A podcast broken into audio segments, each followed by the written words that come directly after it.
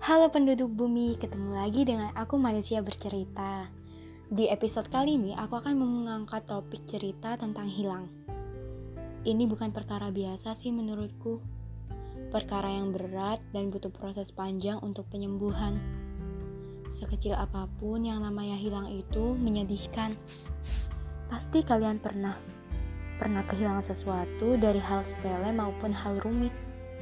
Semisal gini, kalian punya pulpen kesayangan yang hilang entah ke mana. Padahal baru aja naruh, naruh di atas meja, lalu noleh ke belakang, dan balik noleh ke depan udah nggak ada. Hal sepele tapi nggak benar-benar sepele. Bisa jadi pulpen itu pemberian seseorang yang nggak akan keulang lagi. Entah itu momennya, kebersamaannya, bahkan pemberinya. Kalau aku dulu pernah, bahkan sering kehilangan benda kesayangan aku. Tapi emang dasarnya aku ceroboh, ceroboh banget malah. Sampai ada seseorang yang mengingatkan berulang kali, gak ada bosannya. Tis, kalau kamu punya barang, dijaga dengan baik, jangan sampai hilang. Entah itu hilang kamu sengaja menghilang, atau diambil orang. Hati-hati, jangan sampai menghilang untuk kedua kali. Ngomongin tentang kehilangan, pasti semua orang pernah merasakan.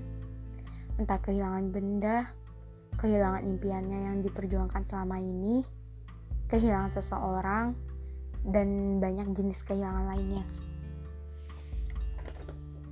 Kehilangan terbesar dalam hidup aku bukan tentang seseorang urusan perasaan. Bukan sama sekali. Sebab aku rasa sekalipun kadang ada yang hilang seseorang itu, entah hilang ke mana, tapi seseorang itu akan datang lagi di lain waktu. Entah orang yang sama, entah orang yang berbeda. Beda halnya dengan kehilangan orang terdekat dalam waktu berdekatan dan dalam momen yang seharusnya menjadi momen terbahagia untuk dirayakan. Kalau diingat lagi, tahun 2020 rasanya tahun ini puncak kehilangan terberat yang sedang diujikan. Sebenarnya pencipta telah memberi tanda-tanda. Masalah yang akan menguji akan datang di tahun ini. Entah kenapa, momen yang gak sama sekali aku inginkan terjadi. Desember 2019, awal aku mengenal sudut demi sudut rumah sakit. Aku yang masih gak ngerti apa-apa dipaksa untuk mengerti apa-apa yang mesti dilakukan. Kejadian paling bersejarah seumur hidupku. Menjadi perawat, sekaligus mempunyai dua pasien terdekat, bahkan sangat dekat di sini aku bukan berprofesi sebagai perawat sebab aku kuliah di jurusan sastra Indonesia aku kebingungan pada waktu itu berpindah menjaga dari satu ruang ke satu ruang ruang ibu dirawat di barat dan ruang mbak dirawat di timur kebetulan saat itu aku libur kuliah jadi menjadi kesempatan yang bisa dibilang kesempatan terakhir untuk berbakti. Tapi mulanya aku nggak sama sekali menyangka ini bakalan terjadi. Bakalan terjadi menjadi kesempatan terakhir. Karena imajinasi keinginan pada waktu itu di tahun 2020 ibu sembuh. Bisa memasak lagi, bisa berjalan lagi, bisa menonton televisi, bisa rebutan remote, bisa lomba tebak cerita, di sisi lain, rumah akan ramai, bertambah satu penghuni bayi yang akan meramaikan suasana.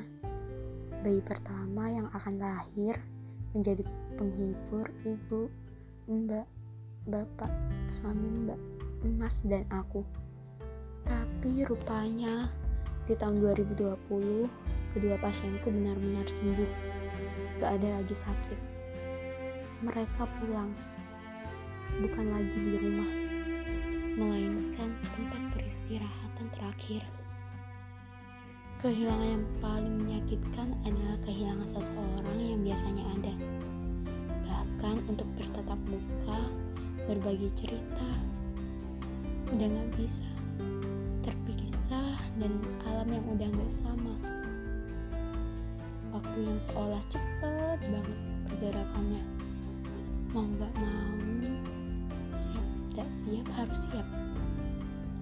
Yang namanya kehilangan pasti di luar kendali manusia. Tidak ada yang namanya manusia mempersiapkan untuk kehilangan karena kehilangan menjadi hal yang tidak diharapkan tapi benar-benar ada. Entah kapan waktunya. Tetapi kehilangan tidak sepenuhnya hilang. Tidak ada yang sebenarnya ada.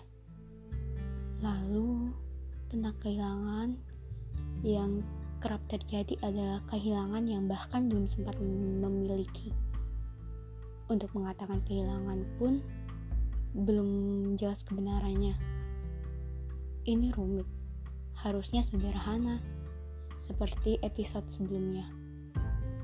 Memang benar ya, yang namanya perasaan sangat sulit dikendalikan. Cerita yang ada awalnya belum tentu ada penutupnya. Bisa jadi cerita itu berhenti dan harus terpaksa selesai sebelum ada kata mulai. Di mata, di, lantas di mana letak kehilangannya? Hal magis yang selalu nggak bisa diterima akal sehat.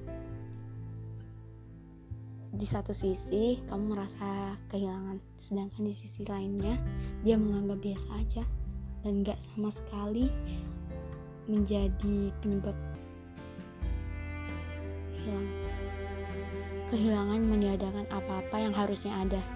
Kehilangan mendatangkan apa-apa yang pergi. Kehilangan menerbitkan derita yang mau gak mau dirasakan. Kehilangan melemahkan sekaligus menguatkan.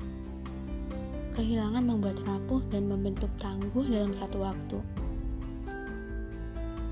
Yang namanya hilang berujung mencari. Ada dua kemungkinan. Kembali menemukan atau selamanya hilang. Jika kehilangan menjadi alasan kesepian, selalu percaya dan selalu ingat. Ingat, dunia dan seisinya tidak akan ikut serta merta hilang. Mereka ada senantiasa menjaga. Terutama aku. Aku yang siap datang kapan saja saat mereka pergi menghilang.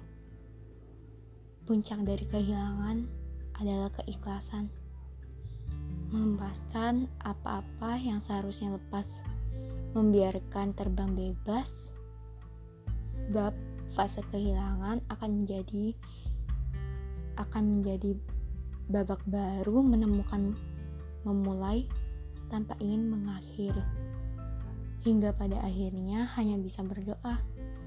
Semoga periode selanjutnya lebih baik dari ini. Dan semoga apa-apa yang hilang tetap ada. Setidaknya jika mereka hilang masih ada satu memori yang akan diingat dan menjadi kisah.